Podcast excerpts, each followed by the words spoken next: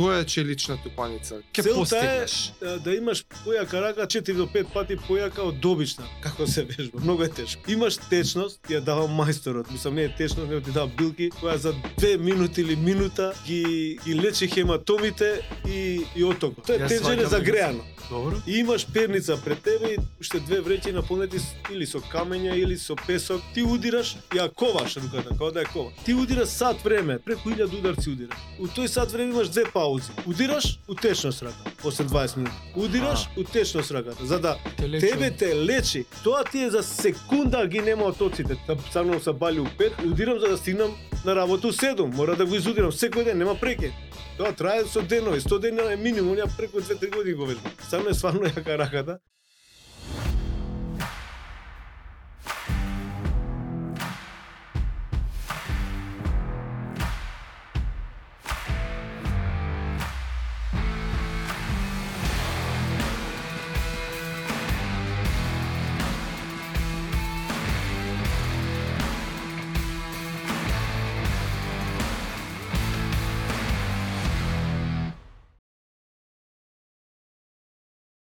Здраво и добро дојдовте на уште една епизода на Байкерот и Кросфитерот подкаст во партнерство со fitguru.mk. Сервисот кој што ви нуди, ви, ви доставува здрави оброци секој ден на врата, за вие да нема мислите, него какви палачинки ти стигна денес? Стигна, са. Леле, пример, амерички протеински палачинки Ама без со малце шеќер. поразлична смеса беа. Не знам Уште какви беа, мислам дека ги вдишав. Ако сте заинтересирани на нивниот сајт fitguru.mk има најразни понуди. Тоа е еден голем чекор кон подобар начин на живење за вие кои што ќе се одлучите. Ако се одлучите, кодот BNC10 ќе го има негде горе.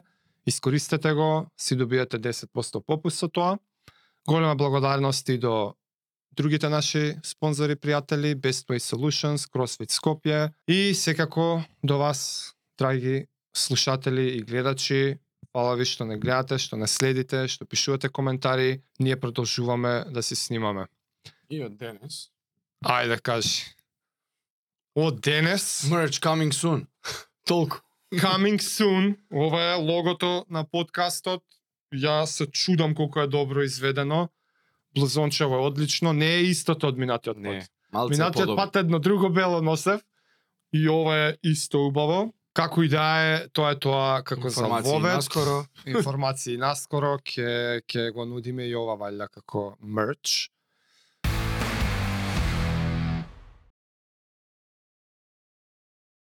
Жаре, мене многу ми е мерак што гостин си ни донел денес, кажувај. Мој млад господин, Ова е млад што малце помладо изгледа од мене, на личи кога сте 61. се договориле како се Да. облечеме. Ѓоре Костовски, здраво Ѓоре. Здраво на си? сите.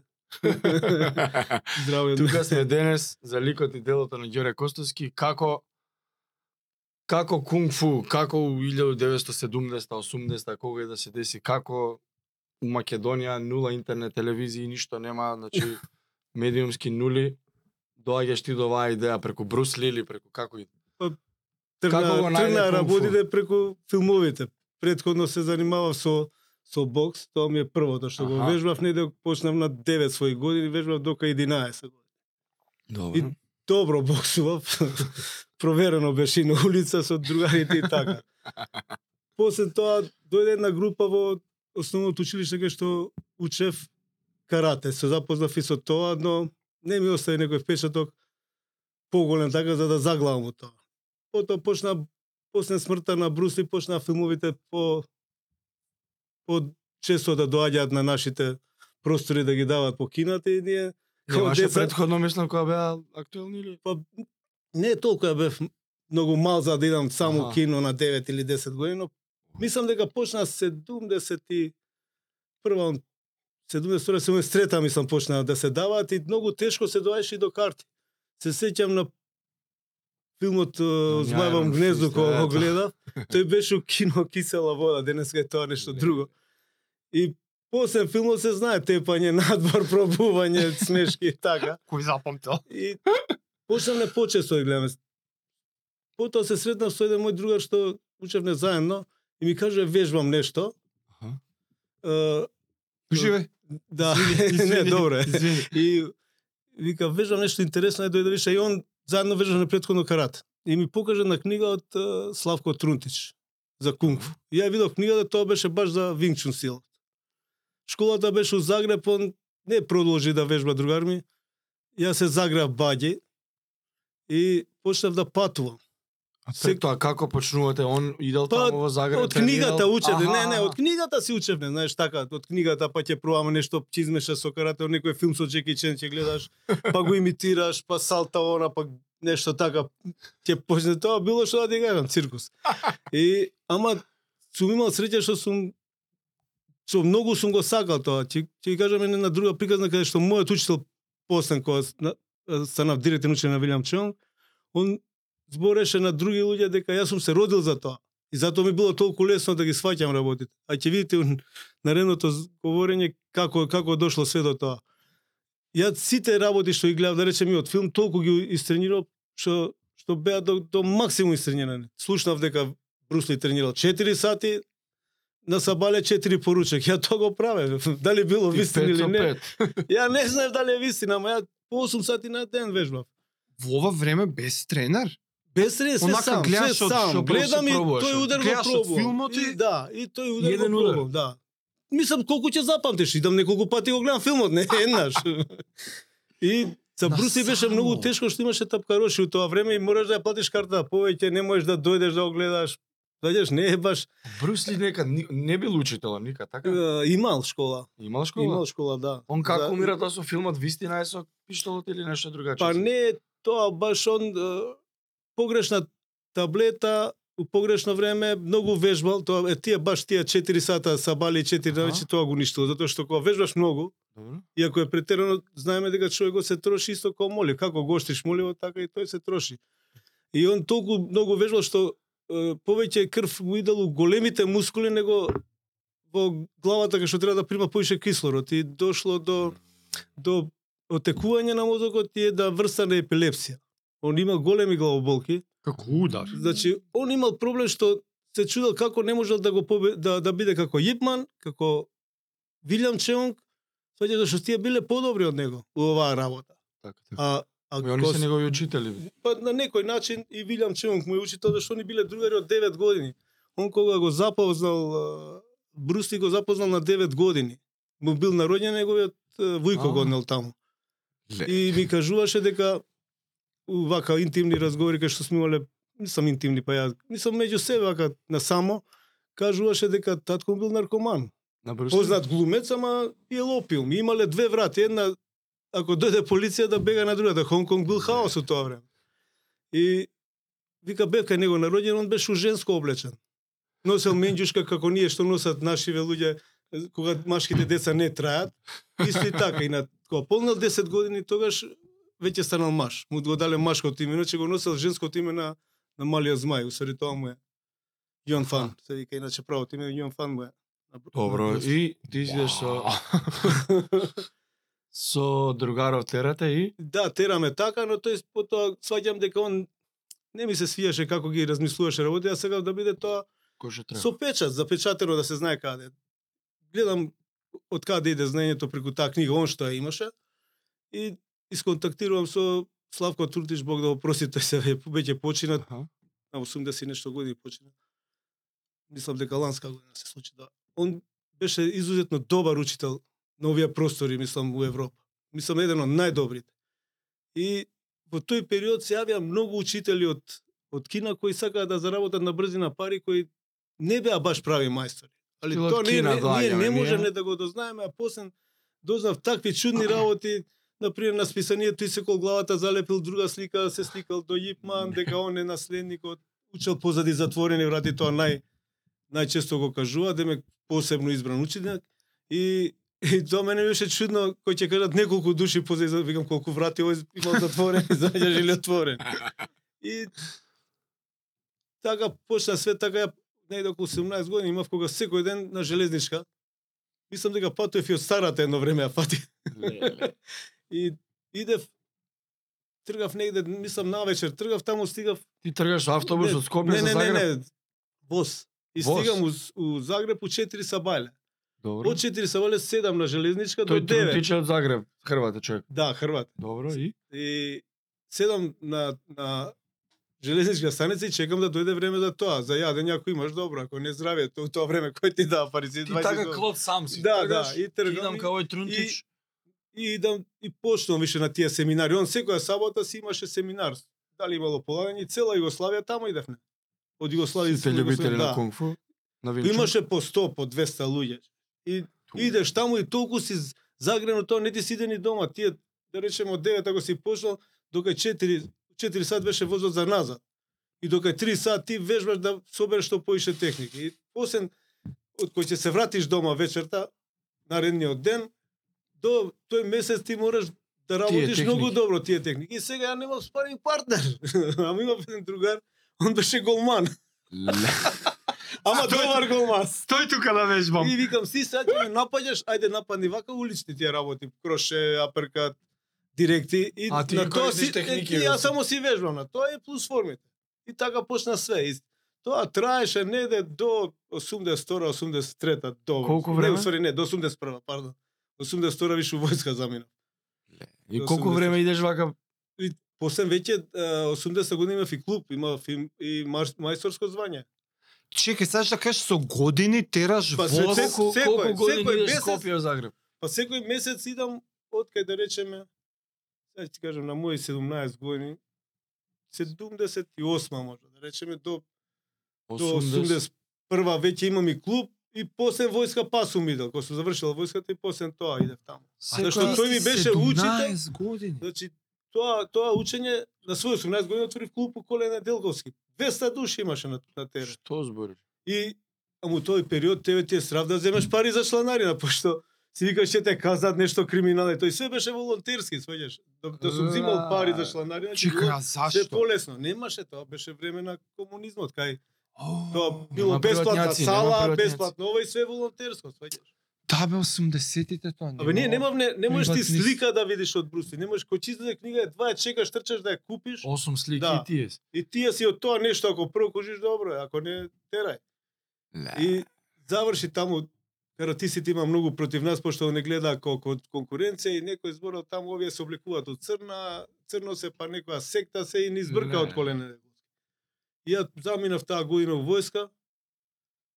Добри две години да речеме се потроши на тоа година и 16 месеци или колку се служеше 18. Да, да, поиш. И изгорав така, војска беше тешко, не ти даваат да вежбаш, па сум морал да станувам ноќе, кој ќе заспиат сите, да идам малку у веце да повежбам и така.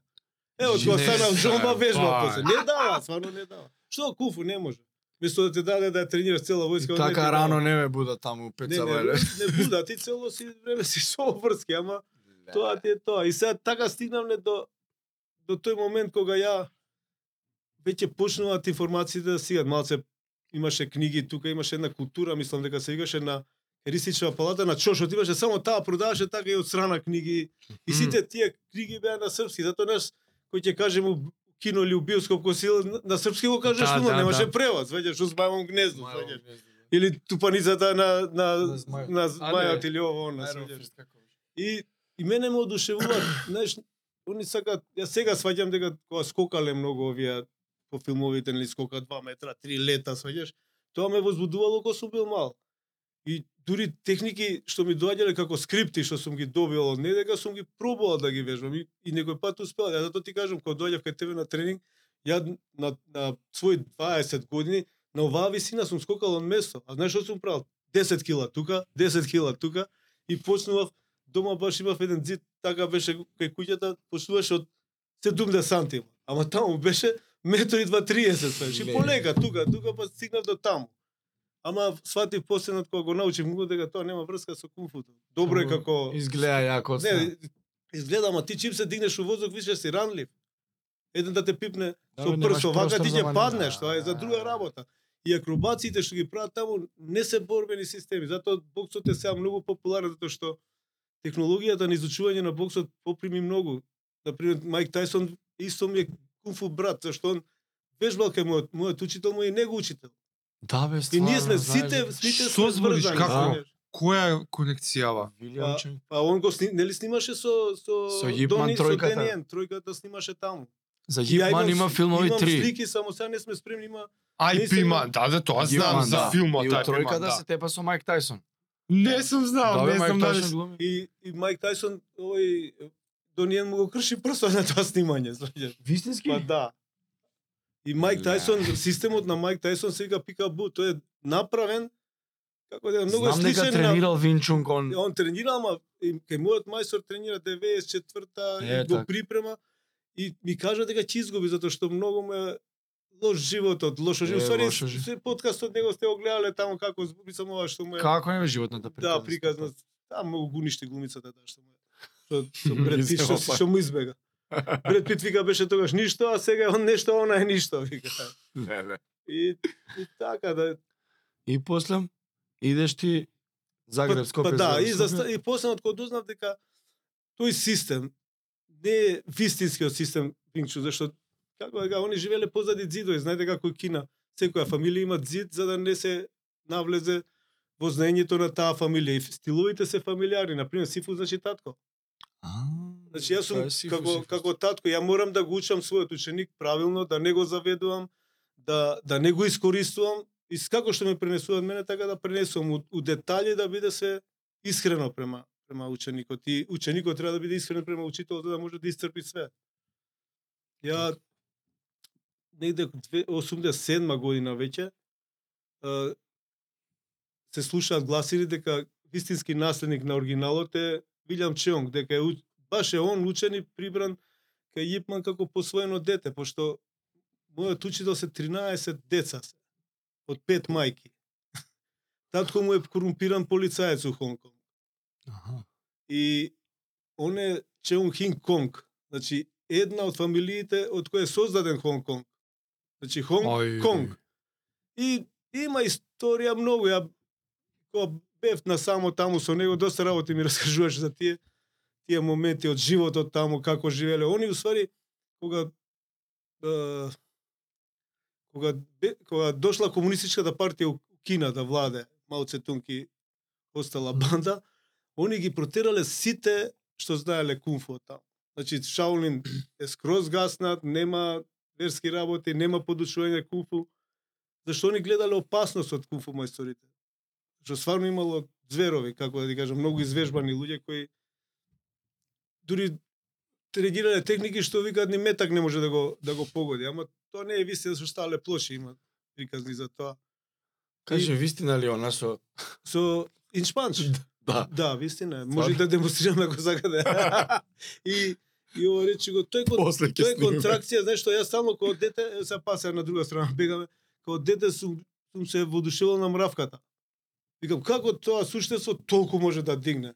Аха. А тоа е све до чикунгот, како ќе ги развиеш, ти треба да ги употреби сите мускули. Или еден, еден човек 400 како пирузе човече, Така. 400 кила на бенч или колку дига, колку му е максимумот, не знам. Да, и точно. 317. Да, да, да. Да, бе, па, че пута 4 е цар. Да. И, и тоа е нешто непоштено овој од Ниш како се вика стронгмен и тој човече, какви слекови прави сега брзо го гледав, како да е некој човек гимнастичар од 1,60 а он е 2 метра кошаркар човече. Знаеш за кого ти зборам? Да. Да, бе, како. Прави слекови како да тоа не е ништо. И- Леле. Мометот беше а, од од Шаолин и ова све се прогонети, учителите ги нема више, кој по Америка, што се подобро учени, кој Хонг Конг, Ипман бега у Хонг Конг. Ипман бил толку богата фамилија имал што улиците ги крштевале по неговите по неговото име, мислам не по неговото, по по презимето на, та- Фамилијата. на фамилијата. И од дена стана многу сиромав, прогонет. И работел и за полиција, и за има приказни каде што одземал пиштол, скршил три балвани, а човекот е 1,59 толку е мал. Што да ти кажам, има приказни каде што некој го предизвикал што кој ќе удри метално буре го го го викал виткал имот, оној кој за нафта буриња. Ама овој го победи за 3 секунди. И го праша зашто повика он беше јак, ама не знаеше да се бори. Немаше тактика, немаше ништо. И у Вингчунот тоа било бар порано вика, ако си добар Вингчун борец, е, не треба поише од 2-3 секунди борбата. Да заврши брзо, тоа ти е како кобра да ту касал. Чекам маце мене, многу ме јаде такви ликови, такви анекдотски приказни за таа сила на такви ликови. С, со тренинг? Па да, со Ам, тренинг. и ти си духовен тренирал, тоа, и, и други тренирале, и он тренирал. Како, Да. како се стекнува, како тренира, кои се со тие? постојаност, со голема волја, постојаност и секој секој ден тренинг, тренинг на мозокот, тренинг на телото, тренинг на духот. Не- Ја не не можам да нормално. замислам да живеам без тоа. Ја да речем сега пред пред да тренам наму е, формата на Шаолин е извежбав. Се укоренив, значи знам како да се стегнат мускулите, како да земам енергија од земјата. Тоа све само по себе се функционира. Многу работи не се кажани, ти на пример си слушнал од баба ти некоја легенда, да тоа се тие легенди се све вистина, само нас не викаат дека се легенди, а не е тоа тоа дека не е вистина, тоа е вистина. Да ја довршиме хронологијата, Да. па ќе навлеземе поише у понад... И сега Мало. они они се повлекуваат од од Кина, значи добрите мајстори си си доаѓаат Ипман доаѓа у Хонг Конг и не сакал да подучи, ама морал да живее од нешто и почнал да подучи. И се прочул со тие неколку настани кај што се борел, има еден старец, па не знам да се слушале, Вон Шунг е еден од познатите мајстори, тоа му е другар на, на Вилјам Чонки постар. И сега братот на Вон Шунг се дружел со, со мојот учител и му вика, мојот брат иде да предизвика, вика еден, а Вон Шунг бил боксер. Мислам, кинески боксер, он вика боксер, ама кинески, демек скунфу знаел. И ти иде да предизвика некој старец, што многу добро знаел Винчу. И ида таму старецот го средува за 3 секунди, сваќаш го легне, ај пробај, вака пробај, така не му иде никако. И си отишле после тоа и ништо. И после извесно време мојот учител разбира дека отишол да учи кај него. И после тоа сите се нагрнале таму да учат и и, и они и така се запознал со со Винчунот. Во меѓувреме Винчунот секогаш бил не само Винчун, него и другите кунфу потпаѓале под некои триади, така да ово е бил член на зелената зелениот змај триада. Така да не е стил кој бил за јавноста.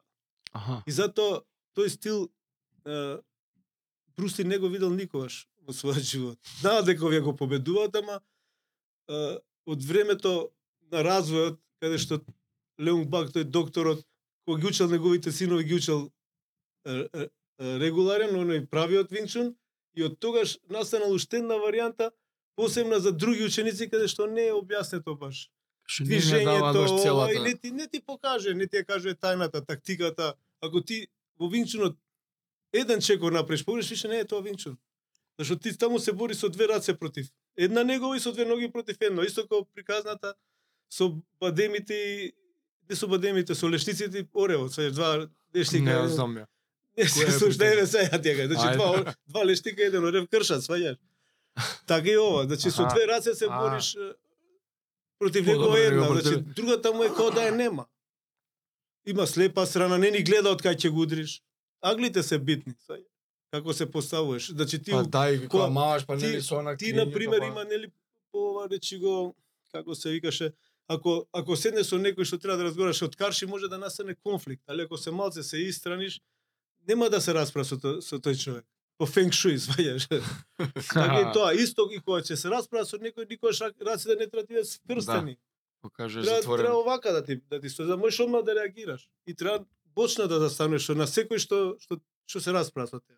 Може да е Со кој што мислиш дека ќе Не, не, има може ќе конфликт? има, ама значи нема да се расправаш. Воопште ќе ќе се избегне таа енергија. Исто како со поклонот, тоа сите го знаете, кога ти носи некој поклон на врата, ако не сакаш да го земеш, кај ќе ти е поклон? Ќе си го врати дома. Така и со кавгата. Ако ти не се караш, он нема да има опонента. Значи, И, и, ја... и доаѓа кунфуто у Хонг Конг, Винг Чунот. Куклата до 65 година, дрвената кукла никој не знаа, за не знае дека постои. Тоа се 108 техники од Шаолин. Значи, порано во Шаолин имало 108 кукли, може да се гледале филми, Да. тој што полага, влегува, тебе сум те гледал ги вле, вле, влегува во алејата, ама 108 има. И треба да ги победи сите и да излезе на таа страна да запа, запалената да 108 запали кукли да, треба да да. ги победи сите ра- разни што работат Јас. и треба да да запали свеќе и има еден и тој ден денеска постои, мислам тигар и нешто има на тоа, жарен на урм, чуп да речеме еден од метал. да И дигне. тој треба, не знам, може да тежи 500 кила, 300 кила, треба да го премести на другата страна. Жежок. Жежо, Жежок тоа и е тоа тоа Тоа ми е од некој да, филм нешто, познат. да. И го има филмот и тоа и приказа ту легенда. Тоа било за да, Да. може он да излезе како слободњак, од до тогаш не може да излезе. Така и по филмовите свееш приказнат. И го преместуваат Да. ќупот. Е сега после тоа пошто манастирот е запален, направиле кукла на која се работа 108 техники. Е таа куклата што имам дома, А, да се работа тоа. 108 техники кои се 108 варијанти На на, на, тактика и борба, кои може да прераснат во 1000, во 10000 и они знаеш како викаат. Ако Сите вика Брусли вака вика. Ја не се плашам вика од човек што знае 100.000 ударци. Ја се Да, плашам да. од човек што удира, што удирал еден удар 100.000 пат. Да, да. Тоа е легенда. Така и ова вика, ако сакаш да научиш нешто треба да да го учиш до 100.000 и назад. Не. И тогаш ти е тоа усовршено. Значи ти го ќе стане, ја например не знам другачија степ, ама има мислам да се борам, извини. али, али, Чека застанам на али- страна. али ова речи го а, има луѓе вежба Вингчун 3-4 години, го ставаш у ринг, он работи бокс. Значи почне да удира како на улица се па не употребува удари по централна линија директи, не, не употребува серија, не, не, не користи слепа страна. Тоа што Значи го ништо, движењето не. И 100% кај нас движењето на преформата кога застанеш, расчекорен си. Да, знам Значи, со не на чудно Да, расчепата. за да лево и десно. А знаеш како се упозна со со ова вашево, како се кажеш, со Со кросфит? кросфит, како? Па Зоки ми ученик. А, знам па војска ја доаѓам и не знам колку години викам ќе почнам, ќе почнам, а зашто ќе почнам? Затоа што тоа што е таму исто како да си у. Тоа мене ми фалеше, зашто ја дома кој ќе вежбам, ај доста. е, Сваќаш? Да, да, да, нема. А вака кога жара ме води, а уште малце, сваќаш и си го слушам, ако е помало, не, не мора да го слушам. А, Ти нема, ствари Зоки тренерот. ги тренираш армијата, така беше? Па да, таму ги почнав да, таму има илјади. уште добар. Таму беше ко после распад 92 И дојдоа како ученици Предраг Петровски и и Предраг денеска е, е мајстор, да, познат Сифо исто така. и не само тоа, него не висока класа Да. на мајстор има завршено све, шести ранг мајсторски има. Тоа е Зашо последното кога звање. ме прашаа на пример кој ќе ти дојде сега следен, викам Ѓоре Кунг-фу, викаат нешто тој Предраг, викам Да. не знам. Па добро, он е он е по популарен зашто ја веќе сега ти кажам од 2010 веќе не подучувам, ми се повлеков. Некако од кога отидов у Кина, као да као Те да видов све, сваѓаш, као да се разочарав од тоа што таму очекувам малце повеќе. У Хонг Конг отидов, гледам све се раскарани, тие кој тренира оригинал, кој не. А мајсторот мој видов дека таму сите го поштува. Што се случи таму на една на едно на една гозба не примија во не полициска академија, него како се вика, кај што им е полицијата главна у, у ова МВР. МВР, како кај нас овдека горе, ама не минис... е да у министерство, право.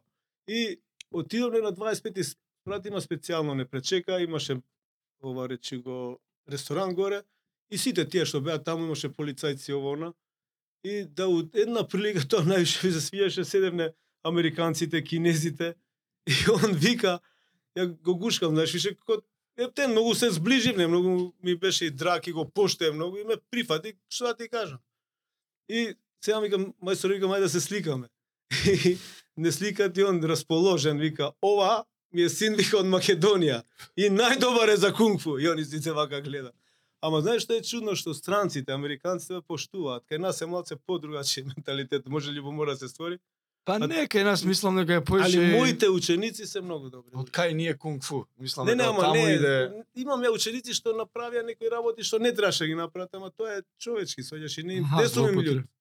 Така треба да биде, тоа е за мене школа, а за нив нешто друго, па ќе си ја терат кармата Си до крај. научил нешто што они го Па злоупотребуваат. не, не, не го злоупотребуваат лично вака на луѓе да прават бели, него не ја завршивне работата Аха. ја што ја почнав 45 години сум више мајстор човече. Ја требаше да завршам со сојуз, со такмичење, се беше спремно и ја тој период знаеш фирмата ми беше многу добра, без ја сега помогнам. Да. Да. Имавме преку 200 ученици на семинарите. И беше работата, ја како повозрастен, само семинарите држам, затоа што ја немам ученици само дека сум држал семинари по Бугарија, Пловдив имам ученици, Босна имам исто представници, Србија сите сум ги учел од Загреб само немам. Загреб, Косово еве. Косово ме молат сега за да идем и сакам па да почнам нешто да работам. Па не, се припрема, ама да ме спремиш треба. Е. Малце појак да бидам. Само еден мал скок не ми остана дојасен. Кога збореше за различните школи Е, а, во кунг-фу, е. во Кина, комунизам, која се криеле Да, да. позади зидови, па едни биле Оригинал едне не. е, така, оригинал. Сега како искача тоа? како како настано. Да, како, ка, како воопшто доаѓа да има прилика дете од Македонија контакт со тоа да има? А, И, и да знаеш дека е во оригиналното. Па оригиналното ќе сватиш како да ти кажам зашто е оригинално, зашто логиката по- го кажува тоа. Дека ако ти дојде некој ти каже држиш два меча у руки и кој ќе правиш блок, правиш од натре, може да си сечеш, така?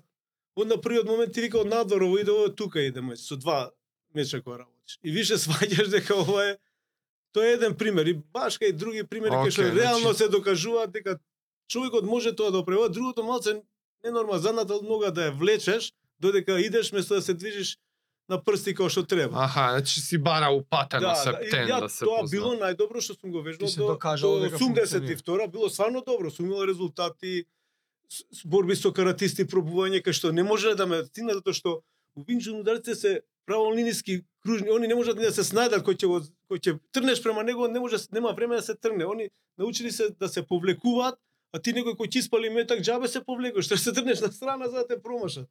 И после веќе научија некои работи и ден денеска ја гледам по ултимат, по више користат работи од Винчунот. Ама веќе тој е отворен за седе, го има на YouTube, има се, се е више дадено, кој така, сака да ама учи. у спомна до 82 што се случува после? Па после тоа слушам за овој учител, дека постои ваков учител што што Е, има да, пе- конекцијата тоа што има педигре, па на семинар. И Да. што се случува? И тоа ќе го кажам. Значи 87 доаѓа брат му, не може он да дојде. Му се случува некоја работа, братот доаѓа негов да држи семинар во Београд. Седум Мгм. дена таму учиме и ја веќе одлучувам да ова што сум го учел до сега оставам во еден пакет и почнам од почеток како ученик. Значи на своји е, 30 години, виш, не, не 30, ама 25, 26 години. Кај што веќе си стекнал да, некој ова е ранг, слично, ама на пример ако таму било бонсо или крило рука овака, сега е добро. овде, сваѓаш по другаче малце, само само толку. И зашто е тоа така? Зашто ти ова е оригинал, тоа не. е. Зашто од, од таа крило рука ако преде у тансо ќе преде овака, али ако правиш од модификацијата ако е вака и ти ако ја твртиш ќе си ги извадиш очите, ме разбираш, и сваќам дека не е тоа, па треба ова и сега тоа е малци подолга Ситници, нијанси. синдици кај што тие после сметаат у реалноста. И од 87 ја преоѓам на тој систем. После имаше некои мајстори горе од Србија што веќе да рече положило нешто, нешто идак и, и ја чутевка, ние гледам дека сум подобар од нив, не може да му учи мене. А сака да те гњави и да те лаже и што остани ден денеска болест по Србија, многу луѓе не го знаат Винчун, они мислат дека го знаат, а не го знаат. Не е тоа Винчун. Тој личи на Винчун, ама не е Винчун. Зашто ти, ако дојде некој што е малце појакова, ќе те здроби. Два-три крошеја ќе дојде, ќе не знаеш што одбрани, ќе се изгубиш. Усвари ќе ги видиш дека не стои на местото и кога работи систем. Да, да скратиме тука 90 година веќе доаѓа Вилјам Чеонг. Што се случи? Ја до тогаш више мајсторски, да. На семинар у Нови Сад. Аха. Мајсторски извежбано све до детали. Немам диплома за тој систем, имам од овој стариот. Си го вежбаш степен, три али овој години го сам. Па поише од 3 години до 9, да, 3 години доаѓа, од 90 на 3 87, години. да. И пред тоа имав сознание, ама вака лично Така? 3 години. И тоа е извежбано што да ти кажам. Доаѓа и ја вежбам таму меѓу тие 100-200 луѓе што вели он доаѓа кај мене и вика од кај си ти? И ја за не знам ни зашто така му реков, не знам од Скопје, викам од Македонија. Аха. Кај си го учил ти вика ги работиш техниките безпрекорно, сеќаш нема ни една грешка, сеќаш. И викам од голема желба ово направиме му ти он ме назначи мене за за Македонија главен и почне да прави да формира Аха овакво, и- ама кога меѓу време на овие од Србија што сакаат да бидат главни, а не не беа кадарни, и ги изнервирал. Им рекол, Почнале мучките. Македонија на мапа да ја видам.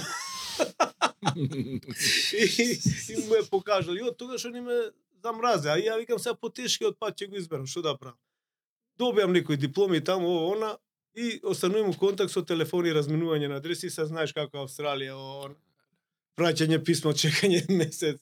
Ама све ми праќа, све материјали што све ми све ми, ми праќаше и, и ден денеска и да едно време ми праќа диплома главен застапник за Југославија да бидам. И ден денеска имам таа тој сертификат кај што ми дозволува ја да го ширам.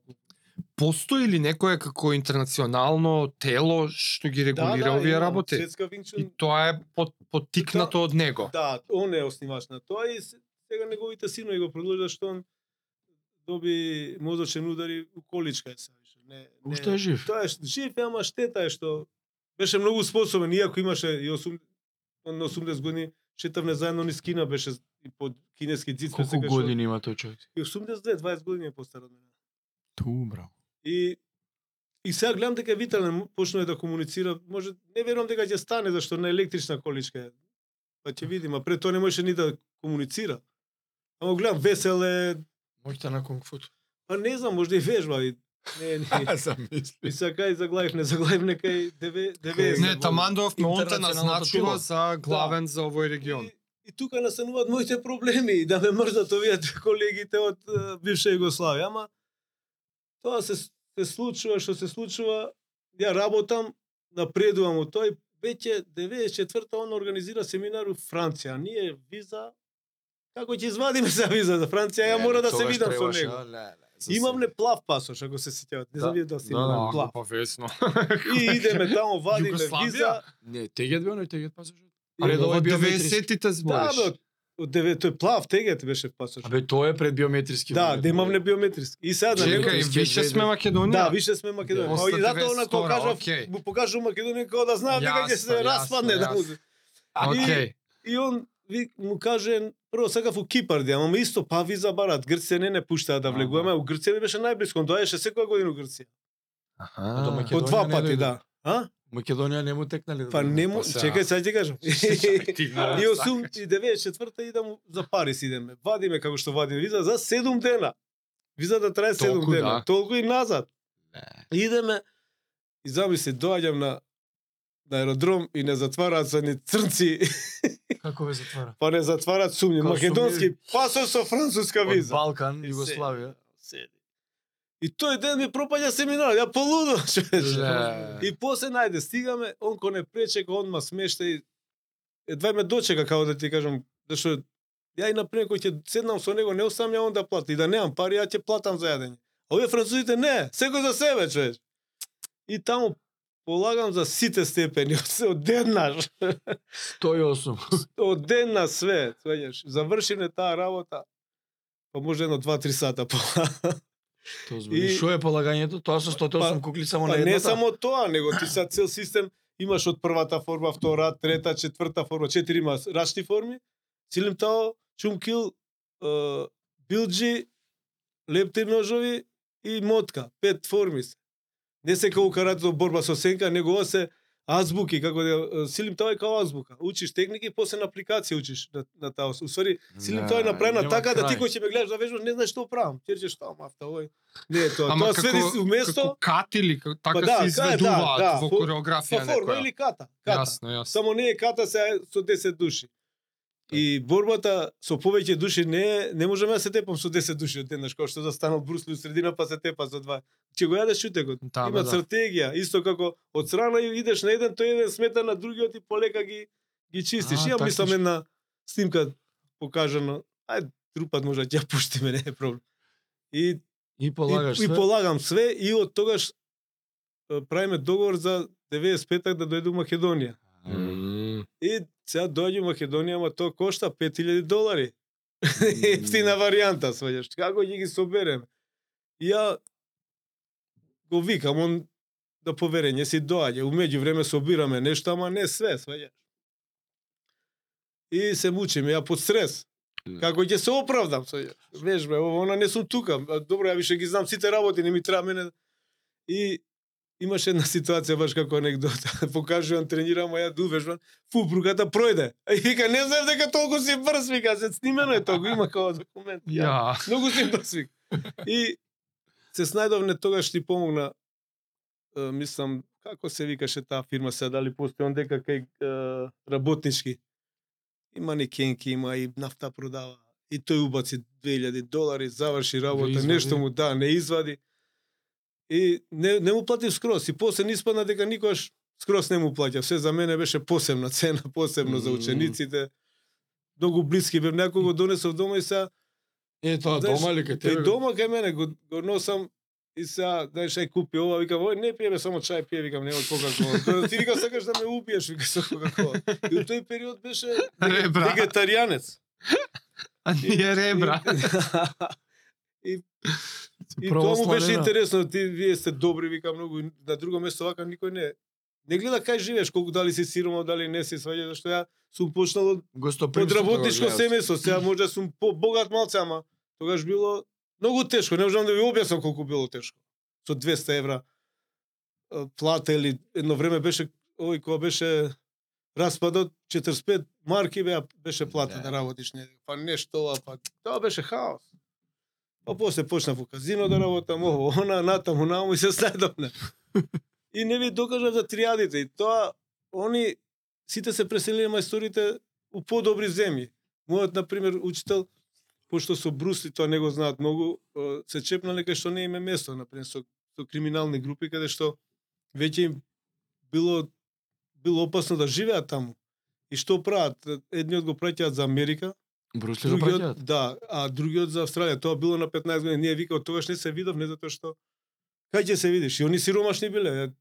Сеќаш што Да, да, Хонконг нема- бил ствари Нема иде да- многу иде сиромашни било. Не било, не било ко сега. Ја Хонконг кога го видов, тоа беше више чудо, али 90 до 90 Сега година е катастрофа. град, човек, Да. ми продаваа стан, вика, многу ефтино имаме попус, вика 2,5 милиона долари, 45 квадрати. Со поглед Имаш на море. ситно? Да. Имаш Со Колку има? И циркузи, што да ти кажам. и, така да он останува тука и од Ствари, извини, Вилиам Чонг, така, Чонг да, да, Биан Чонг. и Брус Ли се уствари учители на Ипман. Не, не, не, Не. Јипман им е учител. Ја, ја, извини, А они се се другари. ученици, ученици, ученици. Многу добри другари. Они се другари. Да, они да, се као браќа, да. А, добро, И, добро. и Брус Ли бил тој што стално се закачал. Има една анекдота, вика, некој, некој стар мајстор продава леко и даваш 5 долари. Ако кој ќе го удриш со шамар, овдека, или со бокс, ако пушти звук, ги зимаш, ако не, Аха. иде. И Брус Ли отишол, ја имам еден другар, може, вика. И Вилјам доаѓа и вика, он се намеси да го ја шамар, вика. Опа. Браво. Шамар еден, рефлекси. шамар еден во Кунг фу. Во- Да. во шамар му лупнал. И тој уште една му удрил и пикнал. Ама вика после ме брга ќе му тепа не може да а со мали они клинци под Оди, е, триадите ги вербувале деца од по 10 години за да, Да, работат за потенцијали. нив. Да. Мене ова ми звучи ко филмовите што сме ги гледале, пример Ипман. Изгледа така и било. Ко Ама прилично тоа е- тоа е- реалистични тоа е, да се. Има некои работи што Преувеличени може не, понекогаш. Не се преувеличени, има и по-бетер, него Што, добро, те сега ако мислите на скокањето на Е, летање, на тоа е да, тоа не е На реално. техниките. ми. да техниките не е реално, али Ама човекот е бил таа. многу голем мајстор, затоа што Хонконг знаеме дека сега 7 милиона, колку има, може и Да. 10, а и тогаш бил голем ти за у тој град не е Скопје, па да бидеш фраер, он бил фраер у голем град. Сите го знаеле, ако отидов у Хонконг, сите го почтува овој мојот мајстор, сваѓа сите здраво она, кога дојде од тие таму полициска академија, сите му се клањаат човек. Така бе да великан. Не, значи ти у тој простор си бил легенда, он они ги ги викале човече као кучиња, као питбули у нон-стоп тепање, нон-стоп докажување. Мене ми има кажано вика се боре со еден што со нога вика кога чуеше вреќа од од од Орис у камион. Ја шутира, вреќа ти се каже, се дали била Ој, 20 кила, дали била 30, не е битно. сака Се бори ми он ме лаже, вика надвор си од, од чошот. И ако си надвор од, од оградата, ја губиш борбата. Јас се вртам, он му удира 4 ребра ми крши. Иако ми ги крши ребра, продолжува борбата, ја го бркам, он бега. Ја го бркам, вика, и единствен човек заебава, вика, што сум извадил скалп со гори руки. Го фаќам за коса и го, го тргам, вика, скроз му го извади скалпот, па после му ставне, вика, тутун, вика, викам, тоа, викам, исто како кај нас, викам. Те бре што искочи. Ама нон стоп се тепа, нон стоп. Има кога живел во Австралија имал преку 300 барски тепачки, имал свој бар. А, У барот имало пехари, сите ставаат по 5 долари, колку ќе осене си ги зима парите. Они го А, предизвикувале И доаѓа вика еден рус, 150 кила. Ла. ама ја вика тогаш облечен униформа каде што не смеа да се тепам у бело некоја кимоно, имало некоја прослава, он почна по шанк да удира, ќе ми го искажеш. Вика, ја му викам, чекај. Се пресоблеко. И вика застануваме се тепаме и ја 3-4 комада И вика он падна, вика контурите му се соблеко, ама сега знам дека е голем и многу јак, он кој ќе стане не може да се помири со тоа. Му ги соблеков вика панталоните и му ги врзав контурите. Ти дека стана се посебно. Леле, Причи Човеков се филме. да е- сега да е тука ќе се- што што све не ми Да кажа што сега више ги зборам затоа што порано не ги зборам ми беше незгодно све уште ова нема да го чуе. Ева, кај И да го чуе тоа му е. Ме, Не, не ми се љути. а, Кажи уште нешто сакам да, Да, да. кажам. Видиме во полициска академија пошто веќе овде, ај викам гратис и таму да одржиме некој семинар, идеме да држиме семинар таму. И да договориме да пол- полицајците учат вештина некоја што и и НАТО ја изучува, сваѓа зашто имам докази каде што војниците во Америка тренираат винч. И идеме таму и се ја го облекувам мајца од Александар Македонски, човече. на Вилијам Чеп. Ама он многу знае за тоа. И вика, знаете од кај доаѓа, знаете ова. И им кажуваше дека стратегијата на Винчунот е од од Александар, човече. Стварно? Ама тоа е вистина. Стварно? Па некој бел човек им гонели за саби и у тој период сите саби биле ковани од од бронза. Како ги правеле така и на, на Александар сабите тие што се бронзени. се. А како сечеле, како е направено да сече, не знам. Што да ти кажам. Е, Многу интересни работи. Посебен Дамаскот и ова рече од Челикот можда. ти имаш и книга, јас сега прв пат ја гледам, ама ми се свиѓа многу насловот на книгата, Надеж за иднината. Ова предпоставам или не предпоставам а, не е во продажба, во продажба Па е... беше едно време и така остана. Ја после се тоа што беше таа првата тура се раздаде, се продаде нешто. Можда ја продаваат уште, а ја не знам за тоа дека продаваат. Ти си на слика тука на книгата со твојот Да. учител, дојден тука, ова е изгледале од тоа време. А јас сум тогаш на 40 години, он е негде плюс 20, значи Значи, 60 и Ми не. има 20 на се поминати. Поиш. Кажи ми малце за книгава поише Па зашто е напишана. Па, па да, да оставам некој запис од мене, сваѓаш. Тоа ми беше идеја, зашто секој учител треба да напише нешто или или бар да сними. Мојот учител има преку 20 книги напишан, што за лечење, што ова последната книга му е книга му е све за винчунот и дебела е можда преку 1000 страници има.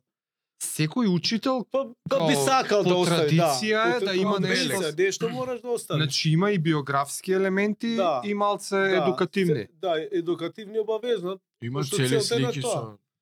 И сега, у тој период кога го правев ова, немаше толку да можеш ти да го гледаш тоа некој да те сними, па као сега со телефон можеш секој ден да снимаш. Сега е И лесно. што сега, сега е многу лесно.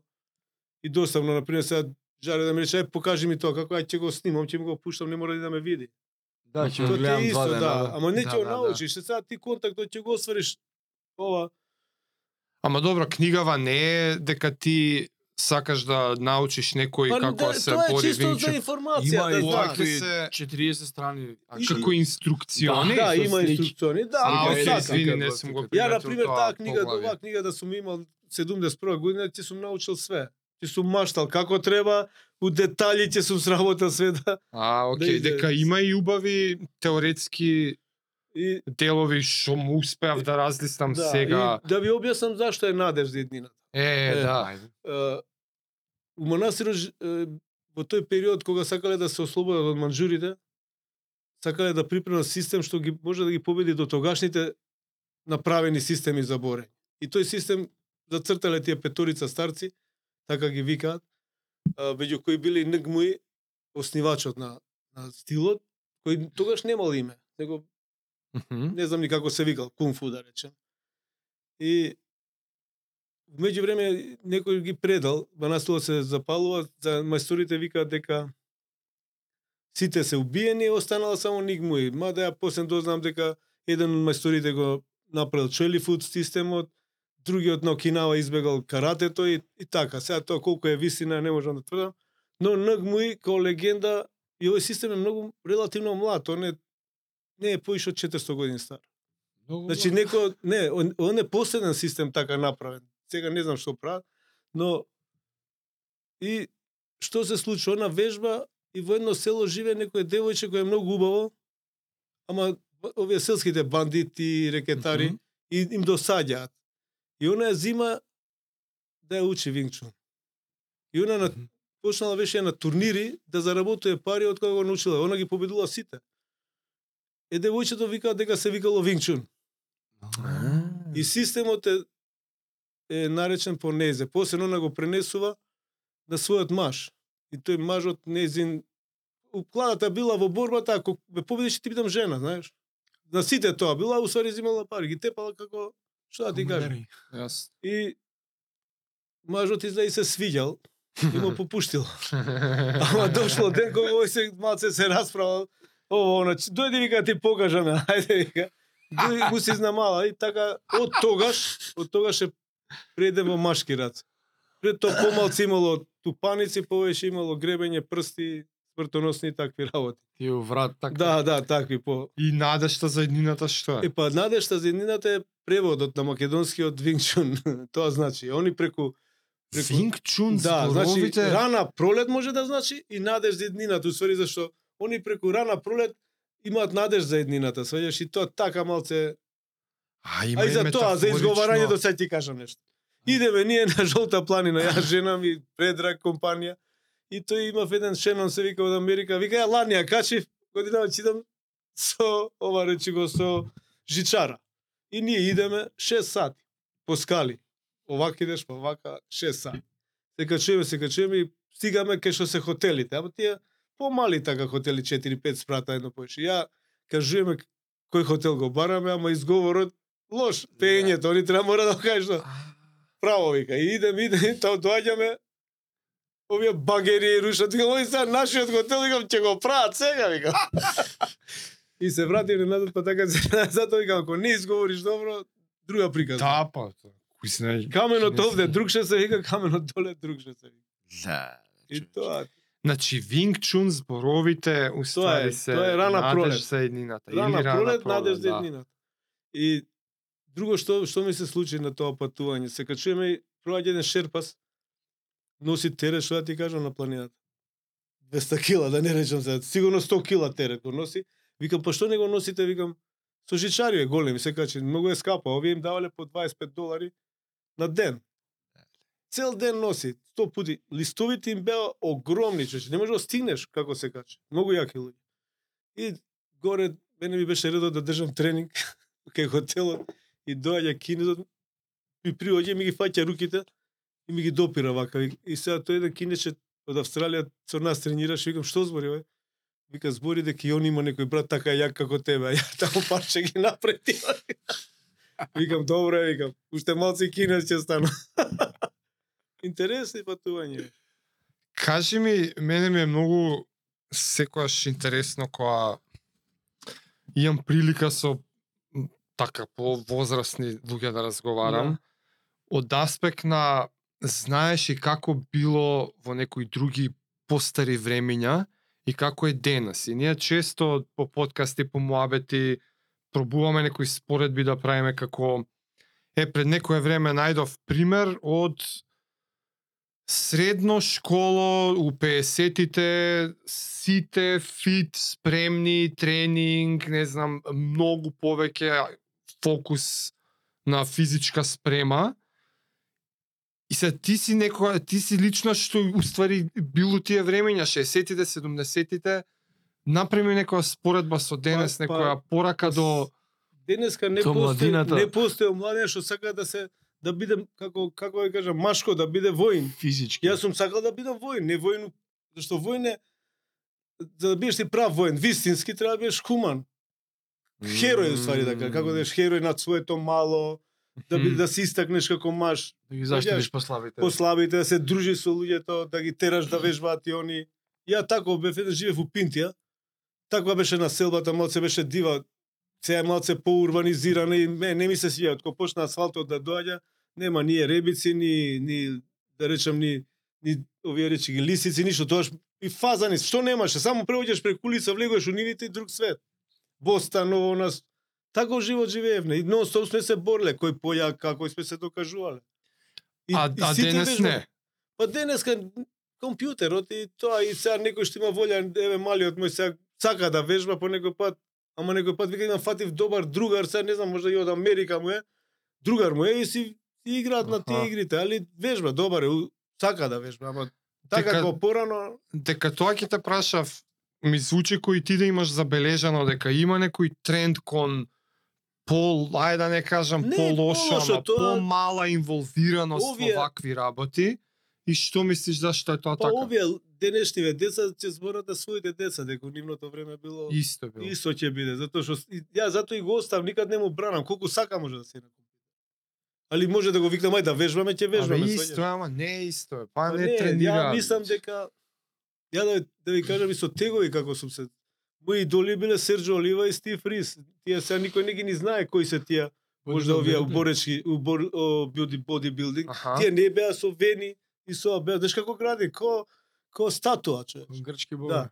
И ние првите тегови бетон од о, рачните еднорачните тегови од грашак, од кило грашак и ги пуриш и вежбаш. Ја имав Со цемент? Да, со, со цемент. Да, имав да. еден тек беше преку 50-60 кило, ја легнам на клупа, клупа направена на знаеш пред старите овие речи ги куќи пораш имале со Даска. со даска Да, и на да. тоа дигаш, ако дигаш 100 кила ќе се скрши даска. Да, да, да. А мој 50 и сум го дигал по 50, по колку пати можам толку ќе го дигнам, не сум размишлял многу, ме разбираш. После налетавне на а, железен тек вагонетка, че че тркалата сме му ги украли од некаде кој дека сме ги собрали. Преку 100 кила беше. Ја на 13 години го дигав, тоа од земја горе го качев. Не знаев. Не знаеш техника. не Техника никаква, се вика. дига. Нешто ми прав. И сега татко ми беше во Австралија, кој бе седмо или осмо и го дигам тој тек, вежбаме, пошто не више имам и слики. Знаеш, вака се шири, што било најважно, не гради ова, ама вака го ќе направиш лептири да се познаат. А, И доа доаѓа еден дечко кој служел војска, оно не може да дигне, а так. Врзување мене шамар човече, вика, абе копилја, многу ме сакаше. И вика копилја да вика го дигна, вика. Татко ми доаѓа вика на комшијата, вика врати му го бетонот, два две вреќи, правевме гаража, врати две вреќи, врати му го бетонот, сам количка однесум го. Као да ти кажам, како 50 од- од-. Као 100 метра треба да донесам. Ја ме мрзи количката, двете вреќи под мишка, му ги однесам. Овој ти си луд, човек. Многу јако дете бе, што да ти кажам. Да, ама гледаш се малиот твој има од кој да научи. Ама А, Ретко сте сега што сака да те праша е сам као ти Да, да, за Загреб да и многу- у ВОС 4 не, за мајле. и- Тоа и- не постои И да системот према него Али го, па добри, го употребувам исто кој ја што сум вежбал. Не му давам многу материјал. Знаеш сега тренерите се плашат дека даде. ќе избега ученикот и малце го мотивираат, све му дај ова, а тоа е погрешно. Јас само Да. викам немој. Фати го Кој што е на кросфит, заслужува да сега, сега, ај дај ми око, не знам, Да. ќе држиш пасиш на цип, шипка. Цевка, да. И, и кој, кој, кој сака да остане, тој ќе си остане. мгм. Тој што сака да ја пушти го да си оди, тој ќе си отишол и, и И да му даеш и така, зла, да, тој ќе да, си да. отиде. Тоа е погрешен метод.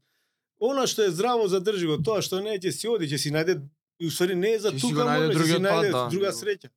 Јасно. И и на ист принцип го вежбам, мајка му вика, зашто бе дај нешто, ајде нека полага, какво полагање, тој полагање, тоа му е кај мене, сега сакаш да му напишам све, викам, не. Да, и да ви кажам, тоа призната ми е Да, дипломата да, сега да, до да, света. Не е тоа, тоа. Да, и, и го тренирам да, да речеме ударци да научи движење, го мотивирам да речеме формата до негдека па му кажувам како па приказните и многу сака чудна работа, сака нешто. Ај кажи ми у старо време како било, ајде ти кажувам. Ама сите Па сакаат. кажеш како мене одма тоа ме завлече. да. Ама тоа е, тоа нем- е, имаше убавина у тоа време да ти кажам. Ние немавме ни телефони, ништо и сега како ќе се најдеме? Ние денеска ги гледам по пет пути се не може да се најда, че пет пути звони па не се наоѓа. А да, да. Е, сега на пример, Тргнав, Жаре стигнав. од стара мајка дете, вика ќе те чекам таму и толку што има да Готово. збориш. Ја до смрт сум ги чекал. Сат сат време ќе чекам, знам дека ќе дојде другар ми е. Се Да, десило нешто, да, да, немаш да. телефон до кај си. Леле, стварно. Па после имам финта, стално идем по иста А, истата рута. рута идем или на враќање на университет, и ако За сум се негде дека влезем му оставам камше. И он знае дека сум тука. Абе што не сме правили Индиана Джонс ева? Абе, кога немаш како ќе се ти- опичко. и- Преако. Абе интересно беше. Спомна и ден денес, ај идеш на кросфит, ама си како изгледа денес практикување на Wing Chun за тебе лично? Па, овие клубови што останаа сега, моите наследници, мислам, што држат се уште клуб, па јас сум му најава, пробав сега пред некој време, ама лоша беше локацијата.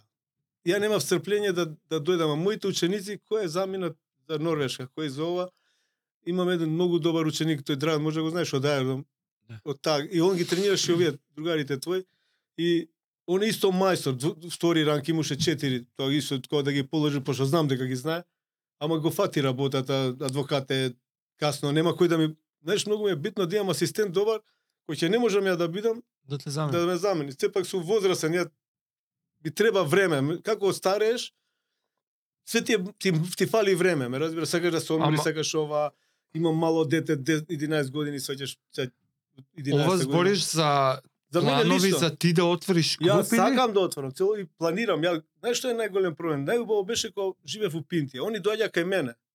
Има своја сала од стотина квадрати и си вежба. Сега го имам истото тоа му Соње. Аха. И на денешниве деца им е далеко. А викаме, кога до доаѓавте од Џорџе до, до Пинтија, не ви беше далеко, сега ти е тука далеко. И малци ме терсе, не? Ама ќе ќе се потрудиме да да направиме сега комбинација правам со еден ученик мој он да држи, а ја да улетувам петок. Зашто не ми е више проблем Така за да се, финансија, ама сакам да, вечер, да подарам и да учам Тоа е за клуб. Ја сакам да те прашам за себе лично А ја, како за мене ја како тренираш, тренирам, освен па, кросфит, дека па идеш на ден. кросфит. Како изгледа Тренинг. во секојдневието некој што практикува Винг Чун на 62 години? Па види, мене сега ми е доволно само силим тао да ја сработам, не треба ништо друго. Што е тоа? Тоа е форма, Како тоа е, ката? тоа е све, ама тоа е формата на Шаолин, значи патот на Шаолин. Тао Добро. е пат, а, силим тао е- Кореографирани да, две, извини, ептен може банални и Ако сакаш прашања да ја прашувам. покажам, не е проблем ако имаме што. Значи ти полека работиш, максимум концентрација и и благодет за твоето тело правиш. Сите мускули се активни, од ноги до горе. И ако ја работиш рече сат време, после си за ништо, мислам, Кој да си И толку го, го па може и сат време да тоа. Ја мене ми се случило на семинар у, у, у Загреб, формата траеше можда два сата. Имав еден ученик од Канада, ја Осифу кад сам те видел, кад си обрнул очи, јас сам знал да ќе му да го едемо, вика. Формата два сата и кога Ти завршивме, толку негде. траеше, сваѓаш. Мислам, зашто ти кога работиш, да речеме танцот, ќе работиш полека. Со дишење. Значи, Кој ќе дојдеш овде може да прошло движење. 15 минути. Не Да. дека повторуваш Не, циклично не, не, нешто не, сто пати. Не, не стопа. Истото движење можеш да го развлечеш, да трае. Да, да, трае. 15, Може, може 20. да речем у таа позиција да стоиш. Овдека да. Ама не е така, него све споро го правиш, стегнати се ногите до максимум една према друга се влечат, у тој став кога стоиш, значи све си стегнат до појас. Од појас нагоре си полаба. Ударците кои ќе дојдат се знае како е контракцијата. И и све до до максимум и тоа стоењето е најгадната работа. Тоа е претешко. Тоа е претешко и Во тој ставот Вика- што е како вика тој- чучнат. Да, Џо- Џо- има монитор. Фераби, што шеташе со, со сукња по град, може да си го видел. Не. Беше директор на хор. И он многу го сакаше Винчун, моја генерација беше. Вика, ја Сифу, кад си преврну очи, а ја знаеш, гледаш и после више не гледаш, после само функционира. Си се одлепил и доста долго траеше, а тие горе на мониторинг што биле у салата, знаеш, имаат камери и ја издаваат салата. Јако се упуга, вика, од како донесо тој до горе се слуша како година. Ја у тренер ги излезе фуп, фуп, фуп, како. Тогаш бев крнишки спремен, не, мада и сега сум. И сега не си. Ова е како и медитативно Да, да, без делува, не, да, без Тоа не. таков екстремен фокус. Па чикунгот е битен тука за за здравје меридијаните се спомнуваат како Е, да па се за- движи енергија. Да, за тоа и го Значи правам тоа се некоја функционира само од себе ако си правилно, значи мора да има стимул. Да речеме кога идам према напред со танса, тогаш енергијата иде према напред. Кој ќе дојдам од овде, оваа позиција она кружи. Видиш, и ти ќе почнеш да ја осеќаш. Е, например, сега вака да, да ставам руката, после известно време ќе почнат црвени да ми бидат тука прси. Зашто ја праќам, исто кој ќе удираш, да еднаш ти реков на тренинг дали може овака да го држам tego тука. Има таква вежба. Ти се си стимулиран да мора енергијата да ја праќаш према таму. Значи, од, од од укоренувањето, за да го држиш тоа мора да си цврст сегде. Ако не си цврст, ќе паднеш. Како конкретно учител учи ученик ваква работа? Има ли, знаеш што сакам да прашам? Да, неизбежно е дека менталниот аспект е некако тесно врзан со физичкиот аспект. Например, за да ја направиш формата, мора и ментално да го истренираш тоа. Ама има ли дел од учењата што се онака апла теории, вакви ритуали, вакви концентрации, вакви медитации, како го Тоа не можеш на како поч- го на предаваш почетокот. ова Тоа- знаење на некој друг? Тоа не може ни со зборови да се објасни. Тоа тоа ќе го доживее он самиот затоа што маката ќе го натера како да кажам ако имаш ти денеска тежок тренинг, после тренингот си сигурно медитативна состојба, мирен си, не не ти е до кавга, не ти е до ова. Ме разбира, самото самиот напор, значи у старо време немало луѓе што што били у депресија. Лек Да, за депресија е мотика. Да, Дај му мотика да, и да, нема да има да. депресија, ме разбираш? Скроз тачно. И и преку вежбањето ќе го научиш правилно да го држи телото, тоа е најбитно за да може енергијата сама, таа таа е тука седи околу нас, само за да ја примиш мора позиција да стоиш, како што е јогата, како што е ова. Значи, ако го сваќам ја ова правилно, Само ја треба да ваше концептите да се Да, објаснат, да, да, да. постои речник за истото и после директно искусување на да, и не поединецот. смеш ради своето незнаење као учител да кажеш дека знаеш и да го лажеш својот ученик. Аха. Не смеш, ако будисите викаат ти треба да да живееш и да правиш она што тебе што луѓето тебе што не сакаш да ти го прават, треба да не го правиш и ти на тие Да, на да, тие го луѓе. Нешто слично како христијанство, да, правило, тоа е да. златно седи го корист. И Не прави тоа што неки ще секогаш сум се трудел моите учители, ученици да ми ја кажам вистината, мада тоа е, допринесува да некој си отиде. Зашто? дојде ученик вел зашто не правиме слекови? Па викам ти ли ќе ми кажеш да правам ја ја ја знам како да те учам, ја ќе те однесам на прав пат.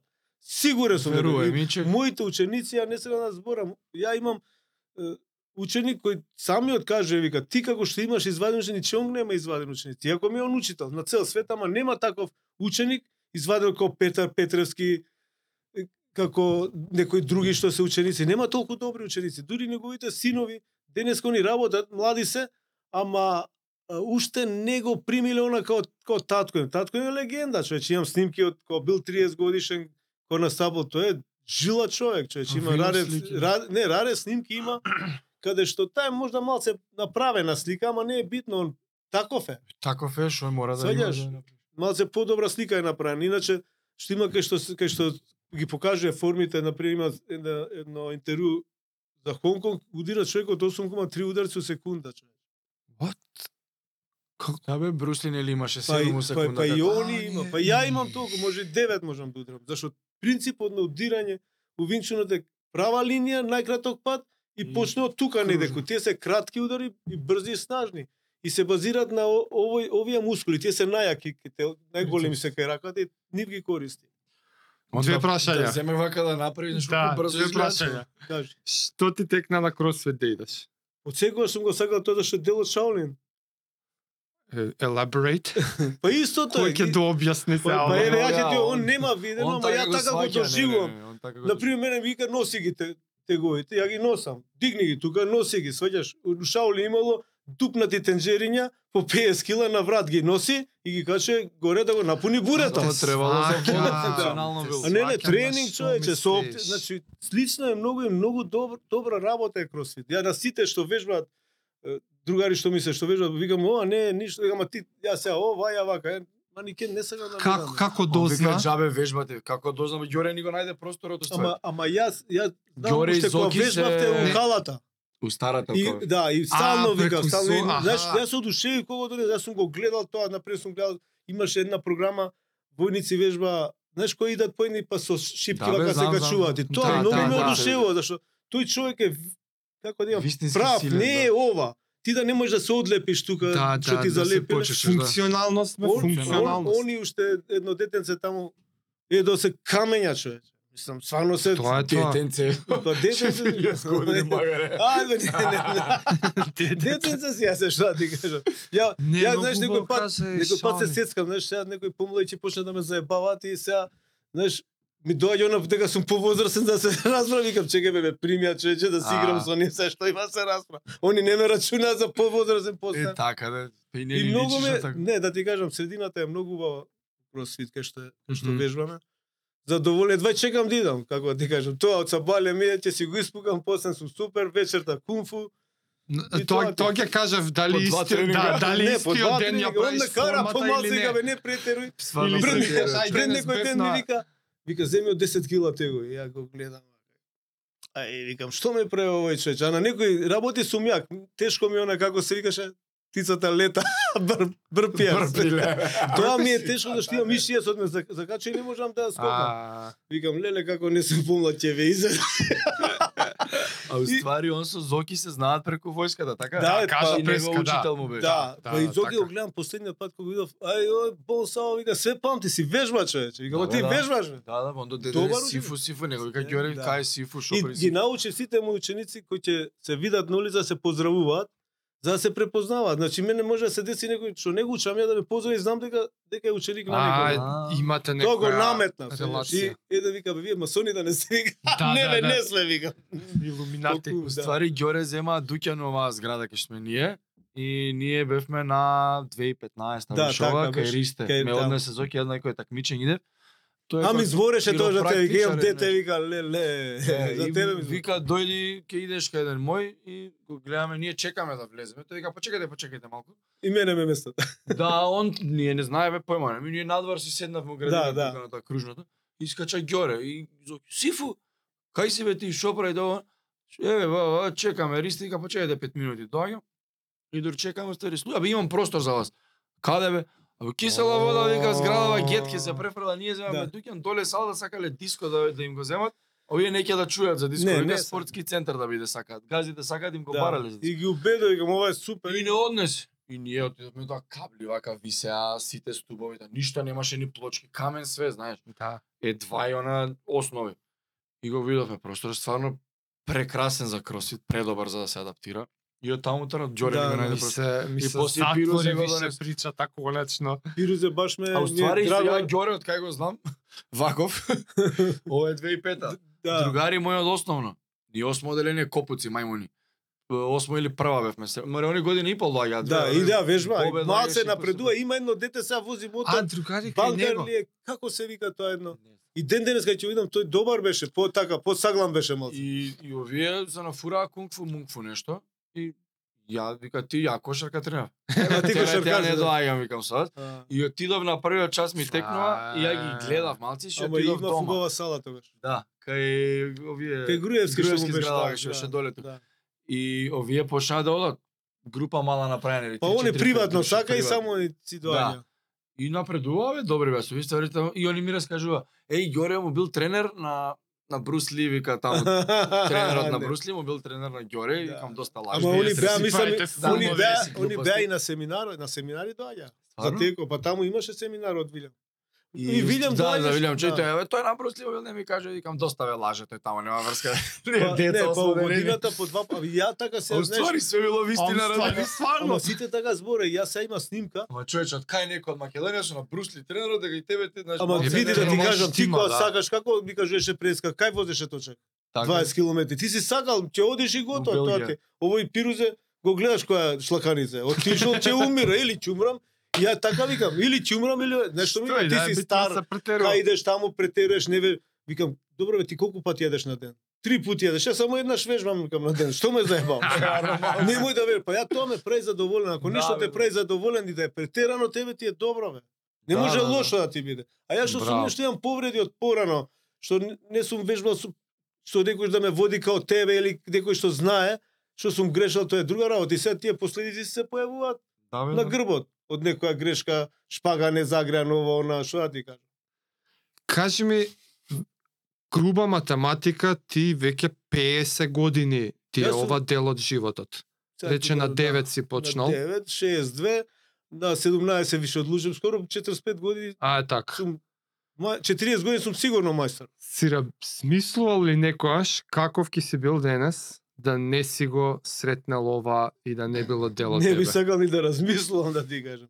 Зашто у тој период сите сме правеле бели, што конфликт со полиција, ово, она нешто детска работа, сваѓаш. И кој знае кај сум, зашто имам некои другари да не ги спомнам се по име живи се кои кои завлегну некои работи, некои не се живи. Ете таму книгата имам и Да, човек што не е жив, а ми помогнал многу у животот. Он беше 9 години постар од мене. Ја така секогаш мотивацијата ми била повеќе од некој имав еден пријател Џоко се викаше, тој 16 години беше. Учи, тој не водеше, че ни каже вака вака ќе се удварате за девојки, за ова, за она, мислам и такви работи од старите учев. Едва чекаш да застанеш мало И да слушаш старите што Да ќе лажу, се лажле да, пола, да. ама имало и вистина. И ќе те пратат по по цигари, по ова, она иди, ова земи иди. И кусур да вратиш. Па тоа ти е, свеѓаш и од нив тоа што си научил, си научил. И за тепање, и за ова боксер ова. Ти идеш кај перо боксерот Бог да го проси таму тренира. Салата беше у, у ова рече го у, у стадионот Вардар, ама Вардар беше стадионот тоа што да ти кажам. Трибините доле, у трибините прдекана, што? Да. Рукавици сите ги носиме истите. Пола бандаш има, пола некој се затепаш на гола руката. Ба, отишла велицата. Ама имаше Ај- многу што сака, многу стварно сака. Од тој од тој период и овој рече како се вика Блажо, разбираш, овој Блажо боксерот. Го знаеш? Не. У 40 како се викаше филм 48 или 49-та? Кој? Па филм имаше таму глуми Пемба из Ниша. Ти година чека. време па. Абе циркус, многу добар дечко и тој тој го упознав исто со мајсторот мој. Многу му се Чичко Дубовски А- Бог да го прости, он боксер исто ми помогна за првите турнири што ги направивме туку кикбокс па со Љупчо на тренерот на како се презиваше не на тренер му беше на на Урко, учител. Правевме и такмичење тука, вадевне деца, ама тоа све така, знаеш, не е само македонска работа, него од завис од ова, од она не искачаат на, на прав пат тие работи, сваѓаш. Исто овој Ивица Джиткунди, он ми е исто бивш ученик. Добро де, да, да, джуджит. Не. Џиу-џитсу, да. Читкун. Стронг. И А, Ивица, да, Да. бе, Ивица. Па вчера го се видов, не ми го, ајде нешто вика, мајсторе да правиме нешто, ајде да викам. Да, да, се споштуваат и они многу. А ш- како, што е со Па, него Ивица во полиција мислам беше. Па беше у полиција. Си му бил на него? Па нема кој не вежбал кај мене, што да ти. Илјадници, овие обезбедување што сакал го сите. борилачки вештини, Ѓоре бил човекот. Ја, на пример, ама не, и Винчурот многу многу е како здрава вештина, не е овие другите што ги гледат што мафта со раце тие кои чизлат на ринг губат одма. Не е тоа тоа. И затоа за мене се најдобри системи бокс, тајландски бокс и овие со голи руки што тепа тирциве. Тоа е, Бе, нема друго ова гардот. Системот е сличен, гледам сега пред некој време гледав и од Ирска има со стапови што вежбаат, не шовчарски стапови, тоа гледам слични техники како ние. Фактички се се дека е исто, овчарот си овчар и стане мајстор на крај за кум. Ја едно знам за боречки вештини е дека учењето не престанува. Не, не. Кој са не знам дали ден денес одиш по семинари или кој е тој ран, рангирање некое ваму постојат нели појаси црни, жути, зелени, не знам како е у Винчун. Ама са ти си одреден од едно од највисоките нивоа што Нема може да се стекнат. Тоа е толку. Пур, Во пурпурен кој појас носиш и тоа ти. е во кој во каква во каква форма сега продолжува учењето за тебе? Па сега- Средби со други или некако Се дружам со сите, мерак ми од секоја да примам и од ученик можеш да примиш знаење, Мгм. може нешто од него му се јавило му. Зашто се примаме од од од етерот се ни доаѓа знаење. Тоа не дека стои како библиотека, ти може да ти дојде и на сон. Ја, на пример, секоја добра мисла и тој што ме тренира, ако е добар, зашто да не го поштеш? Исто како на кросфит, кој мора да слушаш. Не можам ја сега, ај, малце не слушам, ама мора да слушаш. Малце. И и така и се, сега мене можда ми е нај како да кажам, најтешко затоа што нема више со кого да си направам муабет. Далеку ми е Австралија, имам желба па да отидам да го видам додека е жив, пошто веќе мене име вика пред 3-4 години синовите негови ме канеа таму за да помогам околу тренирањето. Ама ја тоаш ми се роди малиот, не можев да отидам и се случи ни малце го баталив тоа подучување. Значи од 2010 до сега немам подучено некој А човек. интернационално има ли наследници сега? Кој ќе И- биде после Не. твојот учител?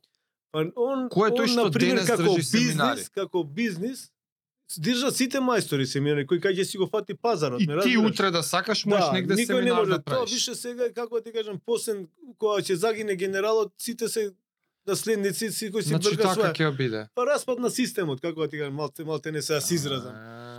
Зашто неговите синови, они се добри, ама има и подобри мајстори од нив. Они се млади, он, ја кога бев со нив у, Ш- у Шаолин, ма, тој малиот се што е глава имаше 17 години. Мм. И вежбав со него, викам, дојде да ти покажам нешто. И му покажам техника како треба да изгледа. И бидам снимено тоа, и он ми кажа, вика, татко ми рече дека треба од тебе да учиме, вика. Он, он му кажа што татко му него, он шеташе, он беше патувачки учител и не, не бил нон стоп дома и они тренирале од некој асистент негов или ово Он, знаеш, многу е тешко своето дете да го тренираш. Значи, да, да можеме гуру да му бидеш на своје дете најтешко. Дури на Александар Мак- Македонски Аристотел му бил учител, не Така му е. бил татко му. Ти со татко ти ќе се скараш. Да. Ја ќе му Тоа е малце вика што ми се дере, сваѓаш више не. Мада ја успеав ке Малиов да Мајка му го брани малце, ама Друг тип на авторитет е не, не, учител, ама не, не, му свикам, ја кој ќе му се развикам и вика зашто му викаш па војнички е да му свикаш, зашто у војска кој ти свика ти тогаш се будиш, иначе ајде. За да има допир со реалноста. Да, да, го, Така, го вадиш светот- од од контакт, му прави стрес за да дојде у Така да, светот не функционира И- на тенане. И грешиме сите, али мене ми е нешто ми, е, ми беше многу убаво со него, ќе се сретнеме, размислуваме зашто ние многу на со мене имам ситуација, ја енглески слаб, сега зборам сега подобро него тогаш, ама не знам да пишувам, комуникацијата ми била лоша. Он запнал со мене да збори, на телефон ми се јава едно. Беше у Кипар и ми вика ми спремаат да ме нападнат вика у Србија. Ќе дојдеш вика да со мене викам ја со тебе ако треба у гроб заедно, нема проблем. И сега знаеш, кузе што сум му кажал. Сега ќе шемо ме разбира. Па жена му се ќе дојде, ќе дојде, викам, цифу, викам, немам пари, викам, имам пари само за еден правец за воз. Немам, викам, толку е. Доаѓа, идам таму, овие од Србија не ме сака. 95-та година беше. Викам да се видам со мајсторот, не те пушта човече у хотелот да ме, ми се викам ни назад, ни напред сега. Таква омраза невиđена човече. Дури имаше мои ученици што предоа кај нив и тие против мене. Ја викам не можам да садам од деца, за нив највише тешко ми беше. Три ноќи не сум спиел, трошиш време поише него за својата фамилија, он ти Да. врти грб. Тоа е за того да биле триадите, ќе ти ишло другачие работа таму ова. И ајде отида таму и Конко разбра дека ја му кажам тоа и тоа ми направи више подобро малце горе. И ги направи салата на, на семинарот тој што беше од Австралија дојде нивниот Габршек се вика мајсторот го здрови, секој покажување вистински удар. да крај толку безобразни погрдни работи из, да зборува за мене, уште малте не не сме били у врска со Вилјам Чон. До тука дојде таа работа. Да видиш какви безобразни работи. Ја не може да верувам што зборам. И он ги зима пари таму и знае дека тој период бев у криза голема. 2000 марки у джеп ми ги бута. Так. И се 2000 смее, марки ги шива. тогаш, Да, ми ги даде све парите што ги што му ги дада. Затоа што дојдов го му се закане дека ќе го убијат. Мислам нешто ќе му направи, што еднаш му направија у, у Минхен.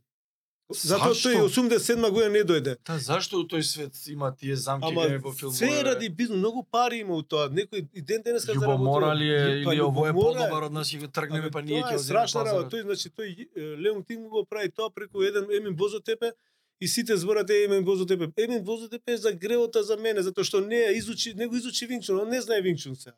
А може да учи од него. Доаѓа Вилјам Чонг, ти го каниш, ја го канам и ја го И ти му го викам ова, оно и го местам, го клис му правам и почнам да го гњавам доле. Пола сат го гњави доле, има снимка и довинарот пише Вилјам Чонг муњевито е устао после боро. Па викам, ја викам што ги тепам тие по 24 сата со кома, бе, што тоа ситуација. Го лупам два пати, човекот пред умирање. А овој као демек лакто, овој се блокира доле, ама знаеш, ружно изгледа што го бутнал, Да, више доле. и се клиза на паркетот. И он после се станал. И затоа не дојде у, у Белград таа година. Ми разбираш што ти зборев.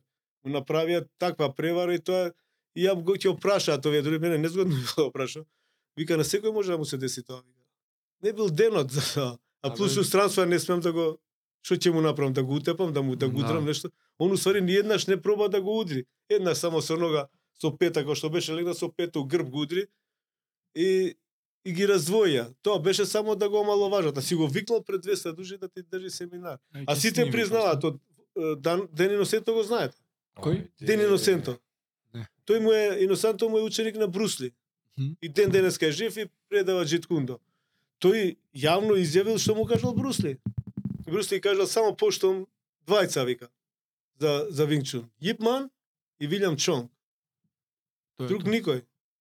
Тие се легендите. И стварно легенда, и ден денеска, сите што се до него, сите го кажуваат, тоа ја бев, ко бев у- на гробот на Јипман у, у, у Хонг Конг, имаше еден старец, сега не ми текне името, се такви некои имја чудни се, да, да, и затоа ставаат наши имиња, на пример еден пријател што се вика Поло, иначе кој знае какво му е ова, нема да го за- запамтиш.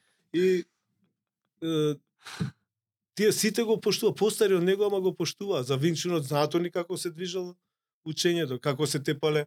Доли имало договорени борби на горе на тераса се тепа кој ќе победи, офрли другиот од седми човек. Ајде. До такви работи тоа било страшно. Кој ќе го бара? Он он овој брат му што би, што ми дреше прв семинар е, е 13 дете. Се скара Не. за Винчинот крвно, не зборат. Србите направија што се Федерација во Србија направија дека јас сум прешол кај брат му, викам, и две години не ми збореше мајсторот. Две години ми беше лют. А и му пишувам писмо, викам, мајстор, јас сум одбрал со тебе, дучам, јас со него ништо, он беше на гости тука, му се заканија дека сакаат да го тепат. И јас затоа бев покрај него. И ој кнедли му, а, брат му е сојеше и вика, добро, вика. Чиме така? Мене овој вака ми збореше, што зборат, каже, ој Џоре збора за тебе, он ти не можеш да искомуницираш. А тој се, истиот, има а тој истиот, бюрократија. ама тој истиот од Рума ме молел да го учам. И имав и писмено, таа брат ми не ми даа да полагам, те молам, ваков е тако, викам, нема проблем, кој ќе дојде, винам, дојди полагај. Ја ги оставам, знаеш како правеа? Не ти даа да се слика со него. Не ти дава да комуницира, знаеш, се обградува ради неговото незнање. Ти ако си мајстор, отворен си за, за сите човеч. Они своето незнање го кријат позади такви работиш. Многу лошо, се ти да, да не ми покажеш како да, Да, да да. вежбам, мислам.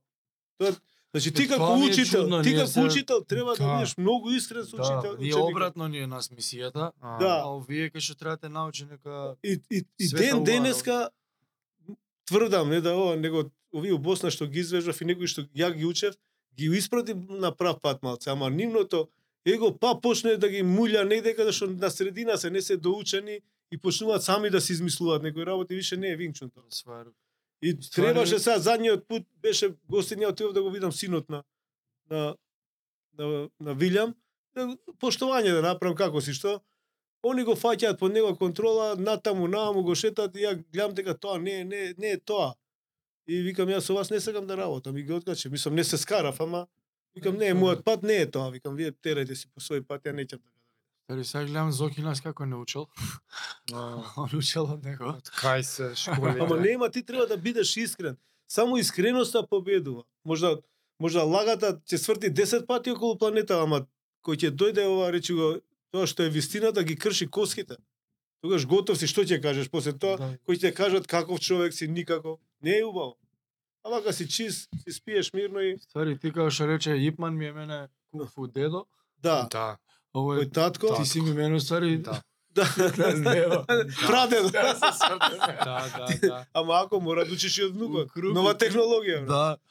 И Ќуре, да ти кажам право за за кросфитот сум одушевен, само тоа зборам, жена ми аман да вика, и она вежба поди, и ја убедувам да не, беф ја, они вежба едно Да, време да, со да. Адриана. Не може вика слава со им ќе те ќе те припремиме, ти треба да- ама не, не може да гризат они со јеш, не се. А јас сум Ти Она вика, глава има. ти си вика на Господ Белјата. вика. Сакаш убаво ти. Да. Ја на пример со Давид со поголемиот син вежба ми се има една техника у контакти со други, пак само му преш, пак се оте дробечка шака се вика или рака. И ја му правам пак, е, вика што правиш, вика, трпи таму чути. Отоци цели руките. И ај пред пред да почнеме спомна за челична Тупаница, челична тупаница. Да. За нас деца, деца што н- с цела оваа приказна мис, јас сум мислел дека е само на филмови, а уствари е Па, жива реалност. Не, не, Објасни ми што е што е челична тупаница? Како па тоа Што ако имаш желба да ја вежбаш, Тие техники со оризот. не е до техниката. Што е целта? Што ќе Целта постигнеш? е да, да, да имаш појака рака 3 до 4 пати, усвари 4 до 5 пати појака од обична рака, да бидат коските појаки, На затоа што- тупаницата да, на тупаницата, на шаката, не зашто ти збориме за зашто- удар или и за удар и за све затоа што ти например кога блокираш нога, ја можам нога да ја зауставам со, со една рака, овака да ја зауставам, колку и да е јак удар. Можам да му ја повредам и ногата. Да не му текне никогаш више да удира со нога или со рака. Ме Разбираш? тоа е резултатот Например, кога шлапнам тоа- овака, унутра органите може да му ги да му ги растурам. од Затоа што што е е како се вежба, тоа? како се вежба, многу е тешко. Имаш течност која ти ја дава мајсторот. Мислам, не е течност, него ти дава билки, ги ставаш у вино, оцет и сега с размерот е, има с размер и сумпар. Ставаш како за како оно што е за прскање за и не знам колку лажици ше, ова рече го сол. Сега не да не ме фаќате Добро, нешто. запис. У, у таа трева која идеше како трева и како билки, имаше и бубашваби, имаше и ковчиња некои, некои печурки, после више сега веќе умелена ситуација го праќа. Тоа го ставаш и тоа не се расипува ако чуваш у, у земјано нешто пластично, ако е у метално го ќе го пробуши металното. Што е тоа? Зашто Па служи? тоа е течност која за две минути или минута ги ги лечи хематомите и и ова речи го и отокот. Се- Значи се пие ова. Не се Се не мачка. се Се мачка. не се мачка. Тоа е Ја тенџере сваќам за дека греано.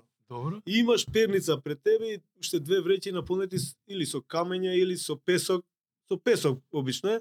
Е са песокот кога го удираш он станува како бетон, ќе се натапка и више како бетон. И ти удираш 20 минути со една рака, 20 минути со друга на почетокот.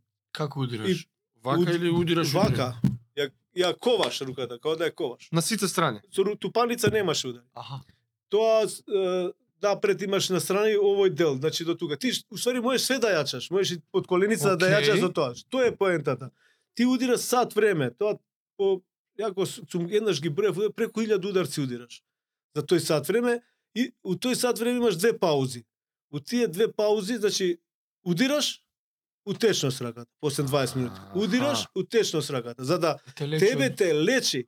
Зашто ти ако ако останеш вака од наредниот ден не можеш да удираш. И стварно те лечи течноста. Тоа ти е за секунда ги нема отоците. Тебе знаеш, е се земе на лажица и да се удираш вака ќе ти не се удире силно, ама удире сат време. Толкава ќе ти стане раката. Значи и ти ова имаш течноста го хематоми. И ја, следува. и ја ми се случува додека вежбав да да еден ученик што ми доеше на приватни часови автобуската знаеш у Пинтија кај си проаѓа сигурно. Да. А ја живеам негде како више на кај на кај Димче. И он вика Сифу се слуша до автобуска кога удираш. И ја викам како ме трпа, комшија не смеа да зборат, ме гледаат. Ќе имат проблем. Са са мном са бали у 5, удирам за да стигнам на работа у 7. Мора да го изудирам секој ден, нема прекин. Тоа трае со денови, 100 дена е минимум, ја преку 2-3 години го вежбам. Можеш колку сакаш, можеш да го доказано. обновиш, повторно да го вежбаш. И јака, стварно е стварно јака раката. И и течноста лечи све. После од незе се правиш и креми, за сега немам таква течност, иначе кишма може побрзо ќе пројдеш. Колку е тајна Е рецепта? па не ти ја кажуваат сега што. Ти кажам ја ги Дали земав. може на Гого да му ја кажеме? Кој е тој гого? Боксерот наш. Бернака Не вака јавно. Ама Дали- не, таа не можеме да му ја да му ја кажеме, ќе само Не треба се- течноста, да му ја целава, целава Па техника, цел, целиот концепт. Јас сум Да, зборел со, да, само ќе сигурно треба да да. си ја купи ова речи го хемија тоа Смес. Ок. Океј, смесата. океј. Дека тоа сакав да и не е прашам баш ефтино, не знам е сега колку ја да ја да беше жив за 150 ќе му ја земе, сега може 600 ќе му побарат овакви евра. Ама со таа може 10 души да вежба, така да може да подела. Како и да е, да, не мислев конкретно Може на да се набави, рецептата, мислам. иако Може, е може да се критична, ама набави, за целиот Ќе ја концепт средиме на... и, и ќе треба вежба и ќе му биде многу појак удар. да. Ја имав е, после тоа не знаејќи со предрак имаме на демонстрација, он мааше со нога, два-три блока му направив, не знаејќи дека прво пробување после после нова вежбање, после гледам замота на нога, што ти е на ногата и ми отварат джигер ногата. Цел, у целата со хематоми Од со ти што си се одбранал да. само. Да, мал ти му блокираш и се случило тоа што се случило. И помеснати се руките, по по друга е руката кој ќе кој ќе ја фатиш. Се гледа дека е не е ковчеста како некој со пенкало што работи. Значи извежбане гледаш каква е. Гледаш како е. Прстите Тоа гледа какви мисли. Јас сум фасциниран.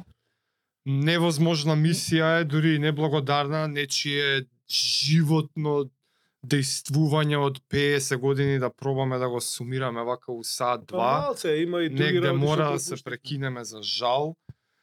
А, осеќам дека у тебе има бесконечно неисцрпно знаење и мудрост и енергија. Се надевам некои наредни прилики. Како за крај некоја порака, ако имаш нешто на млади, на стари, нешто што би сакал да предадеш некоја Зашто Некој бисер. изгледаш? некој не, бисер ја на би- мудрост. Ја би, би сакал да би беше и цел од секојаш да успеам да да влезе у, сре, у бар у основните школи, да да изучуваат бар еднаш у неделата секој да да го прави тоа како што прават у кино. У кино вежбаат многу се Да. више. Школите имаат час и сите сите се дадени у кунфу затоа што Јапонија како земја успеа преку преку каратето влезе во сите земји во светот.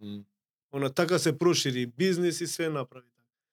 И преку ова ќе има дружба, затоа што сите мои ученици сум ги научил да си помагаат. Ако еден е поуспешен да му помогне да живеат како браќа. Тоа ми била целта да ги да ги зближам луѓето и да ги научам да живеат здраво, затоа што ја додека вежбам ја знам мојот орган како функционира, дали сум Да. болен, дали не сум болен. Убаво. И ние истата порака пробуваме да ја делиме. Подкастов ви е супер да ви кажам, ја го следам Затоа стално. кој тебе те викаме луѓе за да си Па кажам. така е најдобро. Както и, и и ја многу сте чесни што што викате од секакви бранши, не да речеме само за за бајкери и за тоа. Имаше, знаеш како списание Македонија направи тој е, се паве враќам да ти ве задржувам. Зо- Направи списание за боречки вештини многу добро. Ти? Не ја, него А, направил еден е, Имало наше? Еден, да, наше Джит Кундо е, беа они од Питола има тој Златко Неделко си Бог да опрости тој почина, ама тоа суетата ги уби. Ја му викам Зоки бе викам. Списанието ти е топ. Немој да пише само мојот мајстор, мојот мајстор. Вака така а не можеш тоа ќе го исцрпеш и после ќе пишеш за све и каратисти ќе викаш и джудисти и ќе правиш да биде интересно, да има приказни. Мене викам еве пошто ве тепав на турнирите, не ме сакате, ама и мене ќе ме викнеш да зборам за Винчон. Никогаш не се деси тоа. И изгасна тоа, тој тој тој жар изгасна и изгасна и списанието. Беше многу убаво. Убава корица имаше тврдо, пак рече го И за жал И- така е сега. за жал така пропад. Затоа пробуваме ние, еве, не, Да. од различни бранши. Абе спомна и ти, имаш убави планови, може ќе се отвори па некој Па не, ја курче, нема да прекинам сигурно, да додека додека мрдам ја, не, ќе действувам сигурно. Да. Ја действувам со тоа што само ги ги слушам моите ученици, стално сум поканен, например Предраг има многу убав клуб, во парк се наоѓа во војната сала, таму има три пати неделно тренинг. Прекрасен учител е сваѓаш. Мислам секој што што ќе ми се јави таму го, е сега малце му е далеку, па имам уште едно кисела вода, па и таму и ги менјам. Кој Јас. каде да да учи. Школата, школите си постојат, има школи, Мгм. Само не успеавме 2017 да се договориме кога ги седнам моите да речам генерали и да им кажам дај некој не свати дека треба ние правно прво да ги решиме работите за да влеземе у системот да, Да, помош од агенцијата за за спорт и млади и тука се дали дали не можеа да издржат е, мојата сеќаш како едно дрво кое држи голема сенка па не сака у сенката моја да живеат, не можеа да поднесат Саш да кажеш, денес нема федерации, нема такви Па, работи. Нема федерација, клубовите делуваат така као јога, као јога Јас. друштвата се сваѓаш не е тоа, а беше моментот дури фе... зашто не бевме дорегистрирани не бара од таму за да ја викам згаснете го што ја имам печат од федерација регистрирана, ама таа не функционира, тоа е џабе ти. Јасно. И мора да ја имаш да функционира, сега не знам кај вас како е. У кросфитот дали има е нешто? На светско ниво си плаќаме. Да. Е, ама па веќе тоа е подобро. Светско тело Да. имаме. Е па тоа е подобро. Централно идеш и готово, секој клуб си е засебно. Во Америка и се А- се за. А од овдека не знам колку клуба има и дали вие имате нешто заедничко со така е подобро. Да, Ти посебно си функционира си, секој си се такмичи посебно и нема нема, внатрешни глупости. можда добра идеја ми даде, сваѓаш, ама дали ќе послушаат наследниците на на на Вилјам? Зашто не сум ги седнал да разговарам со нив. Овие ги кријат, ја не не можам да да ти ама да го викнам тука да држи семинар, сите мои мајстори вика што ќе учиме од него кога кај нас и и тој што е со пониско звање, знае ти многу си ме не научил си, не си требал вика толку да не научиш. А имав и уште една приказна, имав еден ученик денеска живее у Сиднеј, отиде за Винчунот да го изучува таму, потегнат од тоа, не знам дали 90 или 87 година замина, и отиде прво Нов Зеланд. Од Нов Зеланд за Австралија у Мелбурн да иде у академијата на на Вилјам Чун. И отиде таму Вилјам, ја му кажа, викам Вилјам патуе, викам не е таму. И имаш еден Дана Вонг се вика, а овој мојот ученик имаше четврти ранг, а Дана Вонг е мајстор со пети ранг, сваѓаш. И почнале да работат и овој мојот го, го збркал малце да го тепа. И почнале австралијанци, ајде Роко, да го да му дава да, да навива за него, не за овој. И после тоа не не сакаше да ме тренира вика тој. И ми напишал у писмо И замисли на првиот пат не сум го прочитал, зашто писмото било свиткано и по скриптумот не сум го прочитал. Ај викам уште еднаш пошто мерак, ми немаш контакт. Ај уште еднаш. го отворам тоа, Сифу право беше, овде нема кунфу само кај нас во Македонија. Ајде. Ама ние вежам ни ја имаш една ситуација доаѓа Вилјам кај мене и часови ми држи позади куќа. Знаеш, куќата така беше имав еден канал ископано колку брег ми е бараката, ископано не доциментирано така и едно место имав со везени пиперки со со овие речи ги кромите обезени, он ми држи час тука. И овие ме вика се што ќе ти помисли, па викам тој у каква улица живеел таму исто, исто, Да. он се вратил во Стварно. времето. Шо му било гајле? Не, никогаш не направил разлика од побогати ова. И една ситуација за Грција ќе ја кажам. Идем у Грција првиот пат. И он не пречекува на скали, Џоре, немој вика да зборите за национал, овие се националисти големи. Идем у кафана после тоа да јадеме и на Димитри му вика на тој колегата мој, А, не. вика Аристотел што бил? Ја вика мој посла, белјата посла вика. Вика па вика познат грчки филозоф. Не вика. Он бил во земјанин. Ајде. И јас сега го гледам вака. Тој вика му дал технологија на Александар за да може да победи се. Викам, гледај го и се како го шиба. Вика, ово, јас, а ги знае работите како се сваја, што не знае вистината. На тој мојот ученик во Австралија му вика, еве еден од вашите, а тој ирец. Затоа што тука се натаму наму, се, све знае човек, светски човек, све знае. Абе смеш. Имаше 300 анегдоти. Па имав една ситуација у, у казино со пукање, таа ватрено крштење. Дојде човек да да ме утепа. Леле, бата. И ја се одбранувам од тоа човек у кома 24 сата, а у тој период и Вилјам беше у хотелот, сваѓаш? Ама ја не му кажам, знам дека ќе биде белја, пошто е тие не ги знаете бандити сега да не ви ги зборам. Им ги тепав на едно место и се они да ми вратат. И ја ја го праќам него хотел да спие и остану у континентал. Овој доаѓа човече репетирам пишлот на другар ми вика ќе ти киселам цреват. Ја го средувам пошто го дојде кај мене, му зема ве се изненади што му се случи. И и после тоа на Вилја му кажа вака и вака. Зашто вика не се го убил? А викам Зашто како ќе лежам затвор? Викам, не, не, викам, о, не е како кај вас, бе. Викам, кај вас само одбрана овдека, а имав ситуација од 3 до 10 години. Тој фатил пријатели, а не ги разбивам поштен човек. Фатил пријатели и вика, вика, ти си крив, и пиштол со крие и све и рикам, знаеш како беше, чудно се спаси, фати после неа пријатели, па 10 години застаре делот, иначе 10 години се го затвора ме стави. Од што си се бранел. Па јас сум се бранел, ама сум прекорачил. На Ај. 3-4 месеца скршена вилицата, трајни последици, 24 сата у кома. Тоа ти е. Како Али обид. тоа е доказ дека Оф, леле. викчунот функционира. Ја затоа вика моите ученици може немале толку крште ја пошто сум блегол у таков таква работа со некој сум работа за ова, за она сум подучувал. И знаеш кој си на врата тоа ти е. Ватрено крштење. Оф, леле, како што реков, не не Значи, прекинува значи, фасцинантноста. дел, делува винчунот. Значи функционира, пробано е се 45 сомневам. години, не можам кој ќе ми каже некој не ми функционира ринг, ти не го познаваш. Затоа не ти функционира. Ти ако си достоен, вика бе знаеш кај си кроше, па има тука све, имаш директ, имаш кроше. Прилагоди го за за правилникот на такмичење. Ти се на преку ќе на крос, не може сите вежби да ги правам. Да, Така такмичење ти бара тоа, тоа и тоа, изработи го и чао пријатно. Така е. Тоа ти е.